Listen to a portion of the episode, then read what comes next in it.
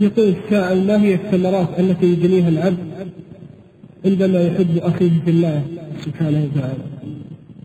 أما الثمرات فمن أحب أخاه في الله إذا وجدت قلبك يتجه إلى الصالحين ويرتاح للصالحين فأول ثمرة أن هذا دليل على الإيمان لأنه لا يحب المؤمن إلا مؤمن ولا يحب الصالحين إلا صالح ولا يطمع في مجالس الصالحين إلا موفق فاحمد نعمة الله عز وجل عليك. هذا أول دليل على الإيمان.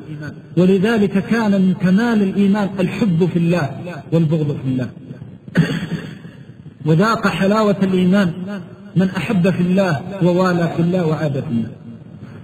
أما الأمر الثاني إذا أحببت في الله فمن ثمرات المحبة أن تجني من أخيك صلاحه فإن كان أفضل منك اقتديت به.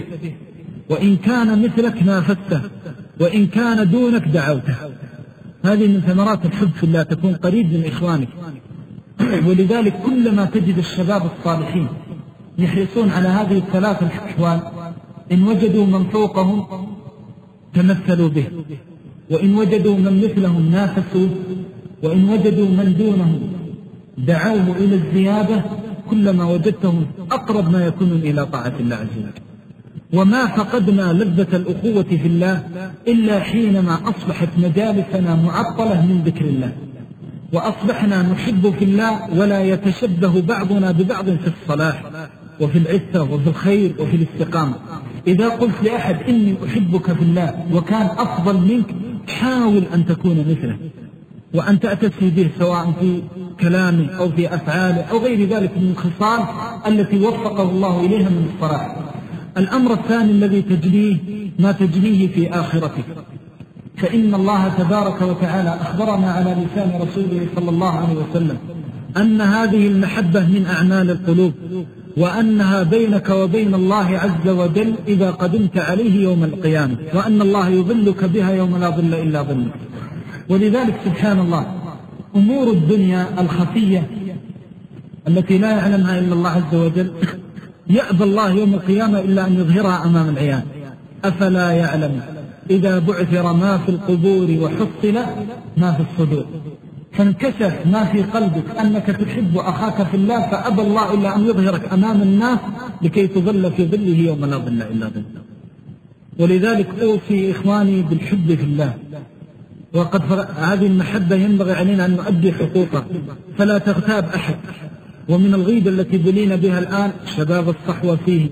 شباب الصحوة يفعلون شباب الصحوة يقولون شباب الصحوة كذا. يا أخي هؤلاء إخوانك في الله.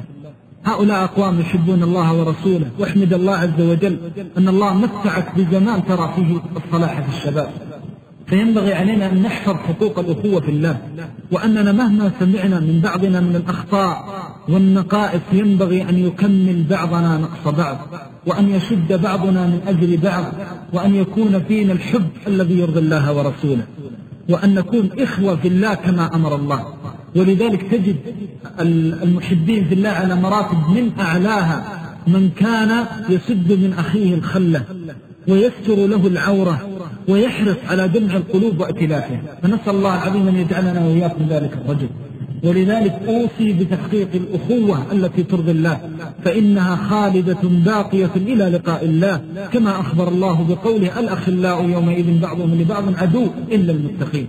ولذلك أبى الله أن يبقي أخوة الإسلام حتى بعد الوفاة تغسل من أخيك وتكفن من أخيك وتحمل تحمل على أعناق إخوانك تشيع وجعل من سنن المرسلين تشييع الموتى وتشييع الجنائز.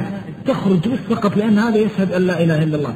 ويوضع الإنسان جثة بين إخوانه. كلهم يقول رب اغفر له. اللهم اغفر له وارحمه وعافه واعف عنه. كل ذلك من أجل إيش؟ لا إله إلا الله. من أجل الأخوة في الله. كلهم يشفعون ويدعون. حتى إذا قام الأربعون غفر الله عز وجل ذنبه. أربعون يقولون اللهم اغفر له. وجبت الشفاعة. كما ثبت في الحديث الصحيح. ولا يقف الأمر عند هذا. ويذهبون معه. حتى يدلى في القبر. ويأبون أن ينصرفوا من القبر حتى يقول قائلهم اللهم ثبته عند السؤال لأن أشد ما يكون في القبر أول لحظة في القبر وهي لحظة السؤال فكان من هدي النبي صلى الله عليه وسلم حتى تحقق الأخوة في الله وتبقى ثمراتها أن يبقى المؤمن على قبر أخيه في هذه اللحظة العصيبة. كان يقول صلى الله عليه وسلم استغفروا لأخيكم واسألوا لأخيكم انظروا كيف لأخيكم.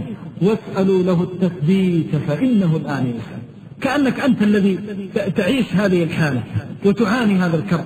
وجعل الله لك فيها من الأجور قيراطان وغير ذلك من الفضل ومحبة الرحمن. فنسأل الله العظيم أن يرزقنا وإياكم حب المؤمنين. وأختم هذه الكلمة بمناسبة المحبة في الله. بواجب الائتلاف على طاعة الله عز وجل. وأنه ينبغي على كل واحد منا إذا قام من هذا المجلس حق عليه أن يحب إخوانه في الله وأن نذكر هذه العروة التي جمعت بيننا وأن لا تفرق بيننا الأقاويل ولا الترهات ولا الشائعات وينبغي أن تقبل قلوبنا على محبة فاطر الأرض والسماوات. والله إنه لمن نعم الله أن تقبل أن تحدث الفتن بين بعض الأخيار لكي يظهر الله المعادن البريئة لكي يظهر الله بعض القلوب البريئة التي تحب لإخوانها ما تحب لنفسها. وتتألم وتتأوه لأي شيء يحدث لأخ له في الله. فنسأل الله العظيم أن يرزقنا وإياكم صدق المحبة فيه وأن يغرس في قلوبنا وقلوبكم حب المؤمنين والائتلاف على طاعة رب العالمين. والله تعالى آمين